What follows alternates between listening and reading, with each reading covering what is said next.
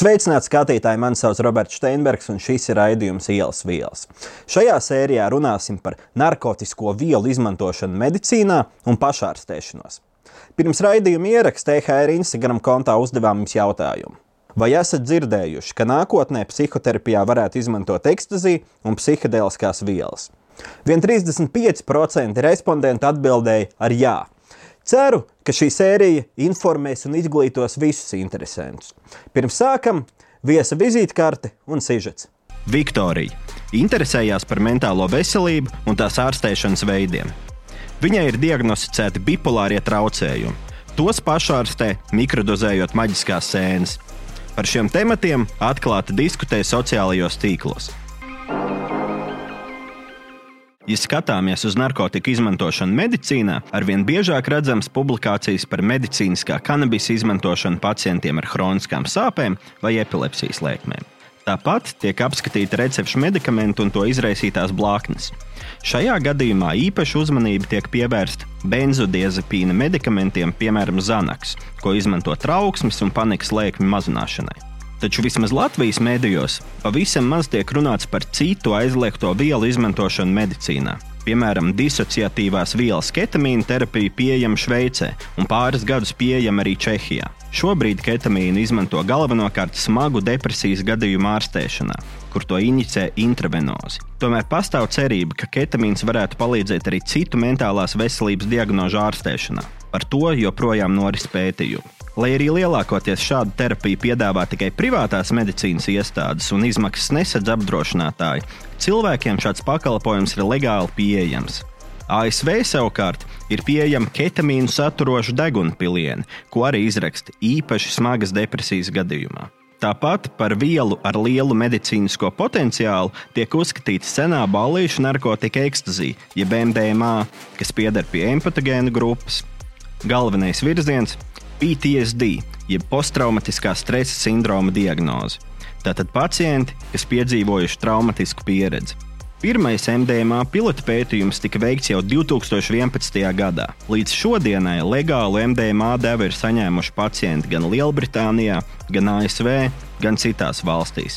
Pētījuma rezultāti ir daudzsološi un ļoti iespējams, ka plašāku MDMA izmantošanu psihoterapijā piedzīvosim jau tuvākajā nākotnē. Tāpat šobrīd zinātnē pievērš pastiprinātu uzmanību psilocibīnu saturošu psihedēlisko vielu izmantošanai medicīnā. Arī šajā gadījumā fokus ir uz mentālo veselību un to izmantošanu psihoterapijā. Aktīvi pētījumi joprojām noris gan ASV, gan Lielbritānijā, tomēr jau šobrīd zinātnieki ir pauduši uzskatu, ka psilocibīna izmantošana varētu ieviest revolūciju mentālās veselības aprūpē. Pēc šī brīža datiem noprotams, ka psihedēliskās vielas, atšķirībā no pašreiz izrakstītajiem medikamentiem, ir jālieto ievērojami retāk, kas samazina atkarības veidošanās riskus un blaknes. Tāpat sākotnējie rezultāti liecina, ka iespējams psihedēlisko vielu lietošana vairākās diagnozēs varētu ārstēt slimību, atšķirībā no mūsdienu medicīnā lietotajiem antidepresantiem, kas mazina simptomus, bet neārstē slimību. Kamēr narkotiku zinātniskajās konferencēs aizliegto vielu izmantošana medicīnā ir pašsaprotams temats, politiķi nesteidzas šo praksi ieviest reālajā dzīvē. Šobrīd, kad pasaulē strauji attīstījusies mentālo slimību diagnosticēšana un mentālās veselības pacientu ir kļuvis vairāk, daļa cilvēku mēģina pašārstēties un tikt galā ar savām problēmām, lietojot nelegālajā tirgū iegūtas vielas. Jāatgādina, ka šie zinātniskie pētījumi, kas uzrādījuši labus rezultātus, ir veikti ar vielām, kas ražotas laboratorijā. Tām ir noteikta tīrības pakāpe un noteikta koncentrācija, kādā tām jābūt. Iegādājoties vielu nelegāli, jūs nekad nezināt, kāda pieauguma ir jūsu produktā, kāda ir vielas koncentrācija un ieteicamā doze. Jebkura viela ar augstu vielas koncentrāciju vai kaitīgiem pieaugumiem var pārvērsties no medikamenta par indi. Tāpat pētījumos lielākoties pētīta vielu lietošana kombinācijā ar terapiju, kas nelegāli iegūta vielu gadījumos visdrīzāk izpaliek. Kas ir bipolārie traucējumi un kā tie izpaužās? Bipolārie traucējumi to var skaitīt kā chroniskā depresija, bet kas atšķir ar parasto depresiju? Tur ir divas fāzes. Vienmēr bipolārajos traucējumos būs divas fāzes. Viena fāze saucās hipomānija, tā var teikt pozitīva fāze, kaut gan īsti tā nav, un otrā fāze tā ir depresija. Jā, sāksim ar hipomāniju. Hipomānija tas ir tad, kad tev ir pārāk labs noskaņojums, neadekvāti labs noskaņojums. Tev nevajag miegu, tev nevajag ēst, tev vienmēr ir enerģija, tev vienmēr ir kaut kādas domas, un tās domas ir ļoti daudz. Tas nav tā, ka tu sēdi un tev vienkārši, nezinu, nu, kaut, kaut kāda doma, kaut kāda ideja, nezinu, tu gribi kaut ko uzrakstīt, kaut ko tādu. Nē, tur miljons domas vienā minūtē, tu, tu ķipa, nevari to analizēt, tu nevari apstādināt to, tās domas. Un, jo ilgāk tu tādā stāvoklī esi, jo trakākas paliek tās idejas. Viņas, ķipa, tu vari domāt, ka tas ir ļoti kreatīvi, ka tu vari kaut ko izgudrot, ka tu vari kaut ko uzrakstīt, bet reāli tu par to domā, bet līdz, līdz tam momentam, kad tu sāksi kaut ko darīt, tu to nu, neizdarīsi. Tas ir viens moments. Otrs moments, kāpēc tas ir slikti, neskatoties uz to, ka ķipa, tas ir pozitīvs, tas ir slikti tāpēc, ka tev nevajag gulēt. Tu labi, ja vari nogulēt stundu, divas, un tas miegs nav kvalitatīvs pilnīgi, ja? jo dziļas miega fāzes pilnīgi nav. Un jo mazāk tev ir miega, protams, jo sliktāk tev pēc tam būs. Plus, ja tev ir kaut kādi ēšanas traucējumi, un ja tu nēd vienu dienu, tas it kā vēl nav tik traki, bet kad tu nēd nedēļu, tas jau, protams, tas, tas nav ļoti labi. Vēl viena tāda nianse, par kuru runā parasti retāk, jo cilvēkiem laikam nepatīk par to runāt, paceltais libido. Tev reāli tev gribās seksu daudz, tev seksu gribās vienmēr, un it kā no vienas puses tā nav problēma. Bet problēma ir tur, ka tu kritiski nedomā. Tas nozīmē, ka par aizsardzību tu nedomā. Tu vari pārgulēt ar četriem, pieciem cilvēkiem pa dienu, un tu pat tev vispār nav idejas par to, ka nu, ķipa, tas ir bīstami. Ja? Un sanāk, tā fāze atkarīgs no cilvēka. Viņa var būt no 3 līdz 5 dienām. Man brīžiem bija ilgāk, man bija tā, ka 7, 8 dienas var tāds vienkārši nu, ļoti pacels garas stāvoklis. Un sanāk, jo augstāk tu lidosi, jo augstāk tev būs tas pozitīvs, jo stiprāk un straujāk tu kritīsi lejā.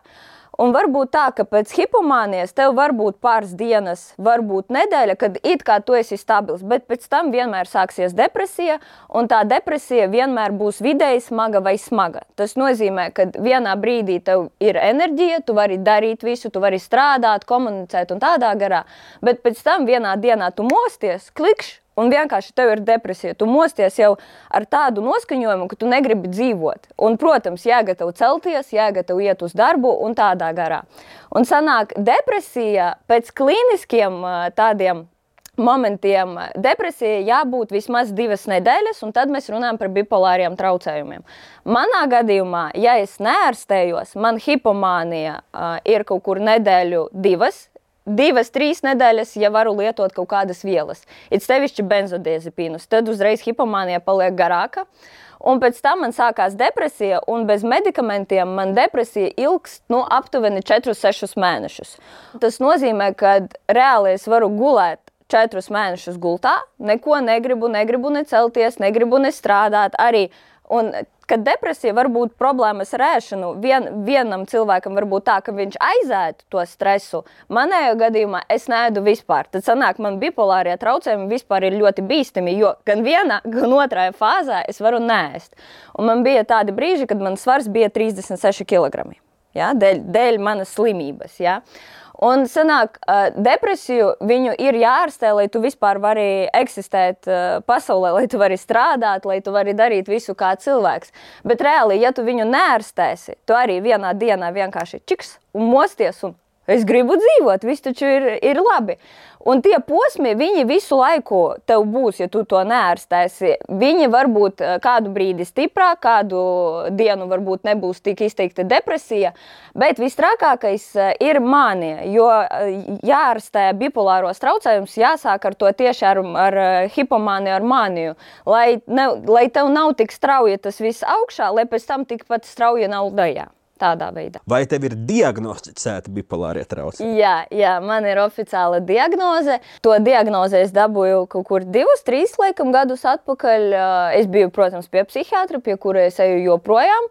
Un īstenībā tu nevari atnākt pie ārsta, un viņš tev pateiks, jā, tev ir bipolārie traucējumi, šeit tev medikamentus ārstēsim. Nē, ārstam grūti saprast, vai tie ir bipolārie traucējumi vai nē, jo viņam vajag sastapt tevi abās divās fāzēs. Jo, teiksim, es varu atnākt pie psihiatra un pateikt, nu jā, man te bija posms, it kā viss bija pozitīvi, tagad man ir depresija, man ķipa ir bipolārie traucējumi, bet nē, viņš, nu, viņš nevar noticēt, viņam vajag redzēt. Un sanāk, manējais ārsts, es viņam izstāstīju, es jau, kad gāju uz to vizīti, es zināju, uh, droši vien, ka man ir tie bipolārie traucējumi.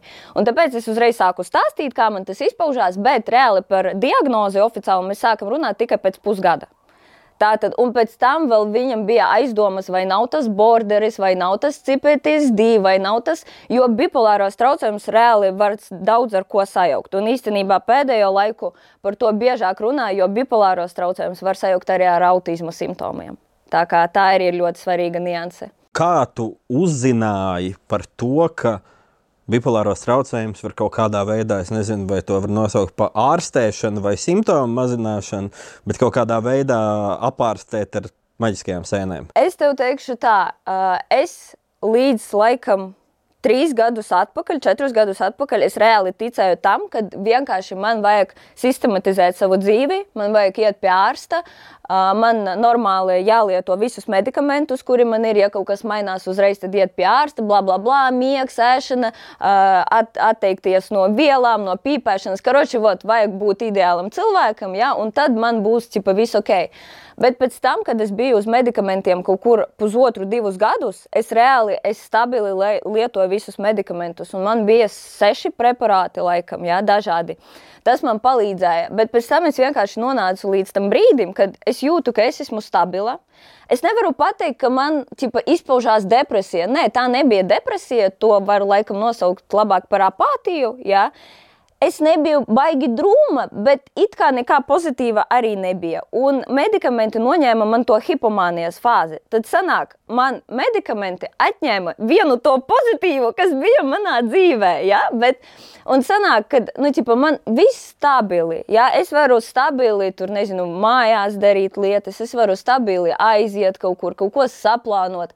Bet jēga to darīt, ka tev vispār, nu, tu vispār nesaproti, priekš kam to darīt. Un es sastopos ar to, ka es vienkārši, es saprotu, ka vajag dzīvot, es negribu nomirt, bet es neredzu motivāciju to visu darīt. Es neredzu motivāciju atteikties no kaut kādām nepareizām, teiksim, lietām, jo dēļ kā?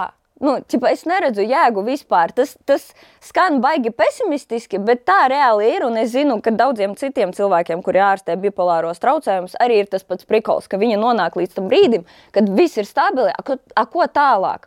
Un sanāk, dēļ tā, ka es depresijas fāzēs biju ļoti ilgi savā dzīvē, man vispār pazuda bilde par savu nākotni. Man, nu, man nebija vienkārši idejas un domas, a, kas būs nevis rītdien, ok, līdz rītdienai es kaut kā izdzīvošu, bet kas būs pēc nedēļas, pēc divām nedēļām. Jo vajag taču domāt kaut kādus plānus, un iet, neiet runa tikai par to, kaut kur aizbraukt, jā, ceļot, bet uh, reāli, nu, kā realizēties dzīvē, mācīties tā. Kā es varu domāt par nākotni, kad es neredzu to nākotni? Kā es varu izdomāt, kur es gribu iet mācīties, kad es neredzu sevi vispār pēc pieciem gadiem? Sēnēm. Un tad es sāku štukot to tēmu par sēnēm un LSD, jo ar LSD man arī bija pieredze, un es sapratu, kā tas palīdz smadzenēm normāli strādāt.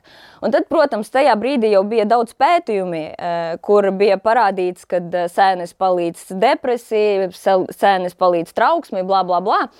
Un uh, tad es izdomāju, no nu, ko, ko citu darīt. Klasisko to terapiju es izmēģināju, iet pie psihoterapeita. Man nebija jēgas, un arī ārsts man to teica, ka reāli man tas īsti nav vajadzīgs. Kaut gan, protams, traumas ir, bla, bla, bla, bet tas ir bullshit. Man, man ar to viss ir ok, es varu tikt ar to galā, bet man tieši nebija motivācijas. Un tad es sāku sēnes Izmantot, protams, es lasīju, cik daudz, cik bieži vajag, bet pēc tam es sapratu, ka tomēr katram cilvēkam būs sava schēma. Plus, atkarīgs no tā, kāda mentālā veselība tev vispār ir un kāda diagnoze ir. Reāli par bipolāriem traucējumiem ļoti maz pētījumi, jo joprojām neviens nezina, kā reāli tos ārstēt. Līdz ar to vairāk pētījumi ir saistīti tieši ar depresijas ārstēšanu. Nu, protams, manējais galvenais mērķis bija ar sēnēm izārstēt to depresiju depresijas daļu no savas dzīves. Tad es atteicos no lielākas daļas no medikamentiem, atstāju tikai vienu medikamentu, kurš palīdz man gulēt. Jo miegs man ir ļoti slikts, miegs man ir ļoti trausls. Un es domāju, nu, ķipa, es varu riskēt ar to, ka man mainīsies tas noskaņojums, bet es nevaru riskēt ar miegu, jo ļoti sliktas sekas pēc tam ir. Un tad es sāku padrusciņai, un tad es izveidoju priekš sevis schēmu. Piecas dienas es lietoju, mazās devās sākot no 0,20 līdz 0,28. Tas ir ma maksimums, un tas man uz nedēļu. Sanāk, piecas dienas es lietoju, divas dienas man ir breiks. Pēc tam atkal nedēļu es lietoju, un pēc tās schēmas es turējos kaut kur sešus laikam, mēnešus. Jā, sešus mēnešus. Kaut gan vispār tas ir pa daudz, jā, jo labāk to mm, breiku ņemt biežāk. Un sanāk, pirmo mēnesi, pusotru mēnesi es nekad nebiju tik pozitīva. Man bija ļoti daudz motivācijas, man bija ļoti daudz enerģijas, man bija griba kaut ko darīt, kaut ko mainīt savā dzīvēm. Un ne tikai domāt par to, bet sākt un kaut ko reāli darīt. Jo domāšana tas ir viens, protams, ja tu gribi rezultātu, jāsāk kaut ko darīt.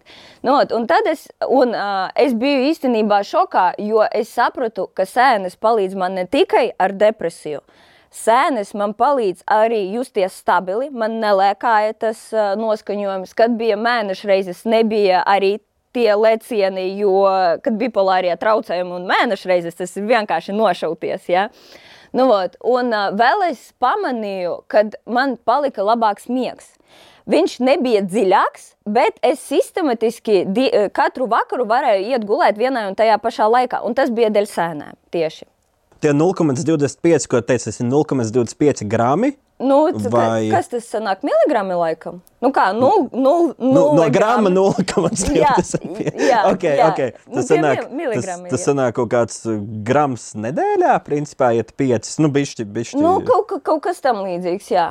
Kā tu varētu paskaidrot, kas ir mik mikrodozēšana? Mikrodozēšana tas ir tas, ka tu ļoti mazā daudzumā izmanto vielu, tagad runiet par sēnēm, un tev nevajag neko sajust ja tu sāc kaut ko just, tas nozīmē, ka deva ir pa, pa lielu. Jo, teiksim, prie, priekš manis pirmajā dienā vajag 0,20. Kādam tas būs 0,25. Jāskatās, un iet runa ne par svaru, cik, cik, cik kāds tev svars, bet runa iet par to, kā tavas smadzenes māk sadarboties ar to vielu.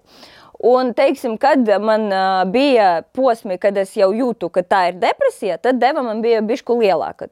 Tātad tev vajag ne tikai sekot līdzi cipariņiem, ja, ko, ko, ko tu izmanto, bet tev arī vajag analizēt un saprast, ko tu reāli jūti. Uh, Es vispār iesaku, lai, to, lai tu vari sekot tam līdzi, lai tev ir kaut kāda dienas grāmata, burtnīca, lai tu vari rakstīt deva, kāda tev bija, ko tu sajūti, ko tu nesajūti. Jo reāli pirmās divas, trīs dienas tu nu, īsti neko nejūti. Pēc tam, pēc nedēļas, es tādu staigāju, ka kas, kāpēc, kāpēc es esmu tik pozitīva. Ja? Un tāpēc, kad tu paliec pozitīvs, kad tev ir motivācija, enerģija, tu vari aizmirst par to, kā tas bija, kad tev bija slikti. Tāpēc labi, ja tu to visu ieraksti ierakstīsi, lai tu pats vari salīdzināt. Cik regulāri tu šobrīd to dari? Tagad man ir pārtraukums, tagad es neizmantoju sēnes kaut kur mēnesi, pusotru mēnesi, jo sanāk pirmos pusotru, divus mēnešus es jūtu to bustu, bija tas pozitīvs. Pēc tam pārējie mēneši viņi man bija arī pozitīvāk nekā ar medikamentiem, bet tomēr vairāk iet uz tādu stabilu stāvokli, ka reāli tev nav tās, nu, tās dzirksteles, tā var teikt. Ja? Un tāpēc tagad es ņemu pārtraukumu, jo nākotnē man ir plāni, es gribu tos plānus realizēt, un lai man vieglāk to visu sasniegt un realizēt, tad es atkal sākšu mikrodozingu. Nu, un es saprotu, šajā pārtraukumā tev vismaz šobrīd galīgi neliekas, ka tev būtu kaut kāds tie, depresija. Tieši tā, vai... es baidījos, ka viss tas atgriezīsies. Tagad, protams, es labāk māku sajust visus tos momentus, kad būs tas brīdis, kad tev sāksies depresija. Jo var pēc miega pamanīt, pēc tā, kā tu un ko tu ēd, ir daudzas nianses, bet reāli pēdējos mēnešus es jūtos labi. Uh, Man bija dažas, daži momenti, kad es aizrāvos ar vielām, bet tas bija dēļ tā, ka es pārslogota darbā esmu, ja, un ķipa paliek skumji, un tad gribās kaut ko izdarīt. Bet reāli dēļ sēnēm es pirmo reizi dzīvē sapratu, ka man patīk būt skaidrā. Jo man 25 gados man bija alkoholisms. Tātad visu savu dzīvi es lietoju alkoholu, pēc tam es sāku lietot kaut ko citu. Un, nu, kur, kur būs jēga kaut ko darīt, kad uh, tu vispār neredzi jēgu no skaidrās dzīves. Un sēnes pirmoreiz dzīvē iedeva man to sajūtu, ka jo, ļoti forši būt skaidrā. Kurā brīdī tu saprati, ka šitais strādā? Vai pagāja kaut kāds laiks, vai tu uzreiz bez maz vai apēdot saprati, wow! Nē, es teikšu tā, pirmās laikam nedēļas divas, trīs man bija problēmas saprast to devu. Jo bija brīži, kad es vienkārši atnāku uz darbu un es saprotu, ka man paliek it kā augsti, it kā karsti. Tas, tas ļoti bieži ir, kad tu lieto kaut kādas tādas vielas arī no LSD, ka tev it kā mainās tā sajūta. Tas nozīmē, ka deva bija pa lielu. Tad es mēģināju samazināt to devu. Un trīs nedēļas kaut kur jā, man aizgāja, lai vienkārši iebrauktu un saprastu, kas der tieši man. Un pēc tam uh, man bija jābūt vizītei pie psihiatra. Un tad es domāju, vajag pārcelt to vizīti, jo pagaidām man nav evidence, lai viņam kaut ko parādītu un pateikt, ka tas strādā. Un sanāk, es skipoju savu ārstu, laikam, kaut kur nu, 5, 6 mēnešus, jo reāli es gribēju, lai man ir kaut kāda informācija un pierādījumi, ka es varu pie viņa atnākt un pateikt, paskaties, nu, ķipa, man strādā. Tas strādā, tas nav vienkārši, ka es paņēmu no galvas, nē, tas reāli strādā.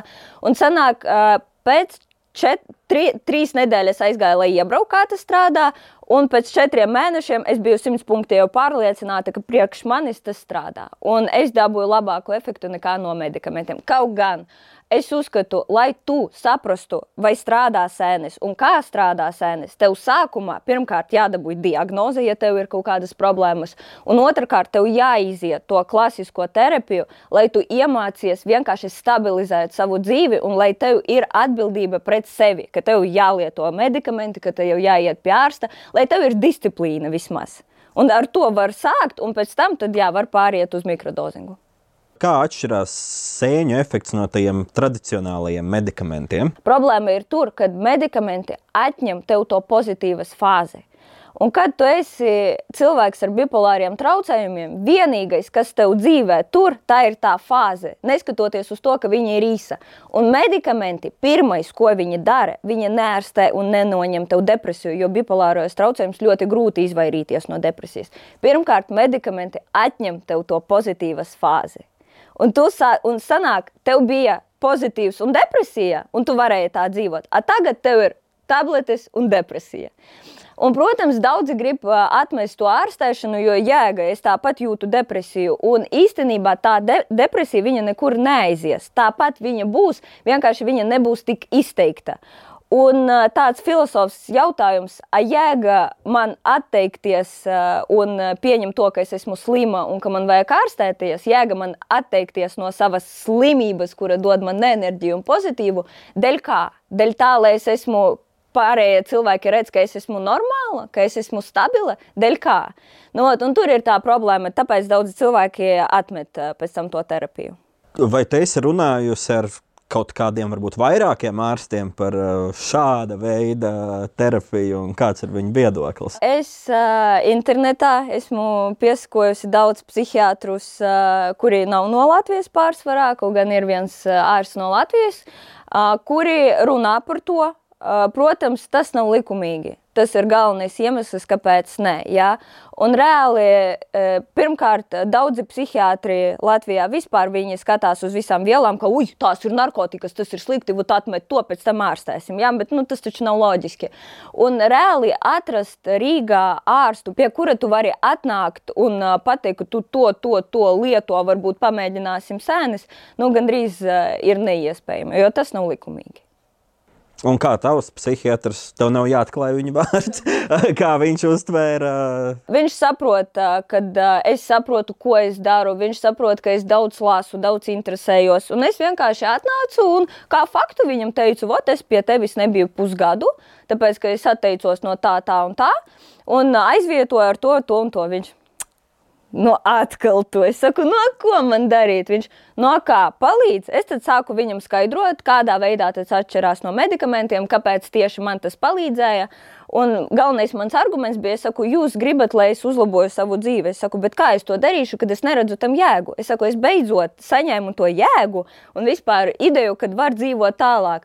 Viņš nu jā, laikam nākotnē tā būs vienīgā izēja. Bet tu saproti, kā ārsts, es nevaru tev pateikt, jā, bet kā cilvēks, nu tu pati saproti. Nu, tāda mums bija saruna. Nu, ļoti sirsnīgi, jo es savukārt gaidīju, ka varbūt būs tāds nosodījums. tu zini, es domāju, viņš nosodītu to cilvēku, kurš, teiksim, atnāk, pasaka, vot, es lietoju tur kokaīnu, es lietoju amfetamīnu, vai mani ārstēsim, viņu sāk ārstēt, un tad cilvēks atkal atnāk un atkal oj man vielas, vielas. Es pie viņa jau atnācu ar to pozīciju, kad es saku, es zinu, ka man ir atkarības. Un manas atkarības parādījās dēļ tā, ka es esmu slima. Tas nozīmē, ka ar, eh, ar medikamentiem, ar aizliegtām vielām es mēģinu samazināt tos simptomus.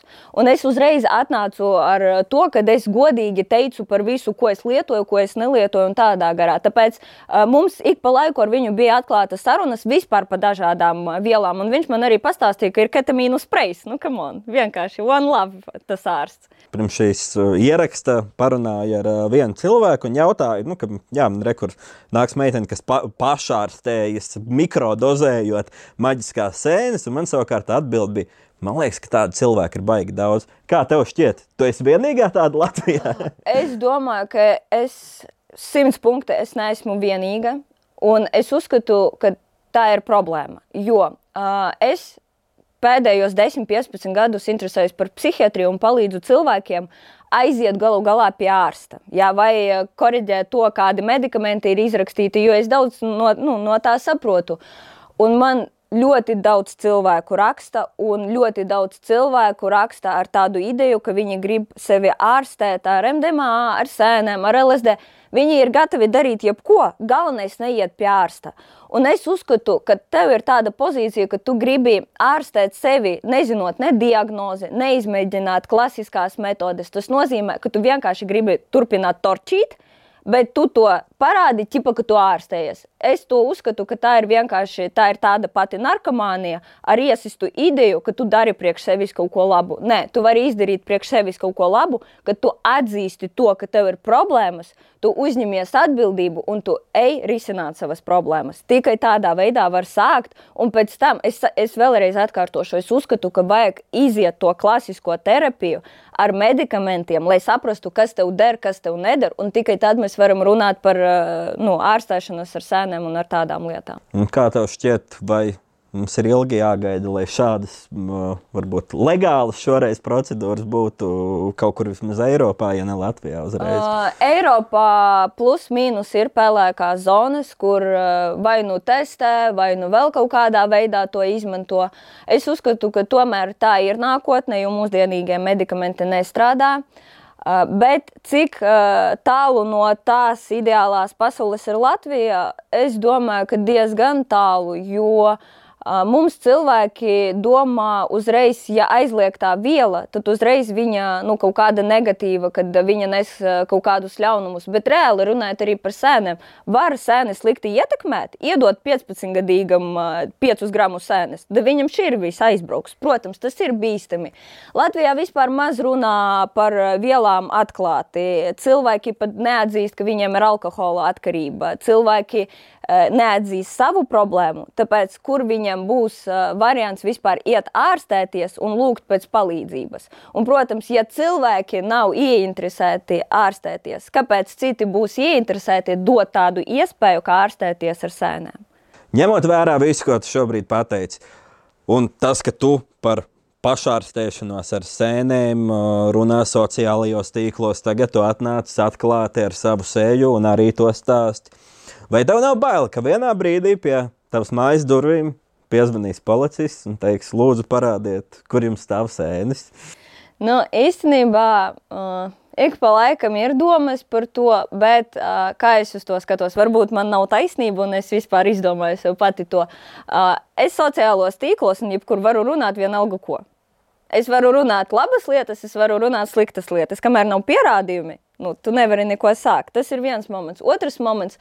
Es nedomāju, ka es īsti kādam esmu vajadzīga kā lietotājs. Ja es audzētu, ja es tirgotu, tā būtu nu, cita, protams, runa. Un diez vai es atnāktu un runātu tādas lietas. Reāli.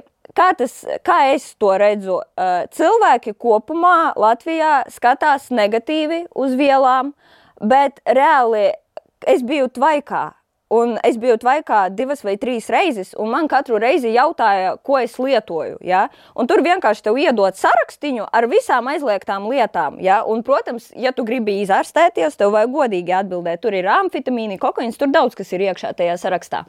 Un tu vari atzīmēt, īstenībā tas taču arī var skaitīt kā pierādījumu. Ja? Nu, Visstrakākais, laikam, kas būs, mani uz eh, narkoloģisko to nodaļu aizvedīs, eh, te, nu, iedos testu, eh, parādīs, jā, ka kaut kas asinīs ir, un tad būs ķipa rehabilitācija, sots, kaut kas tam līdzīgs.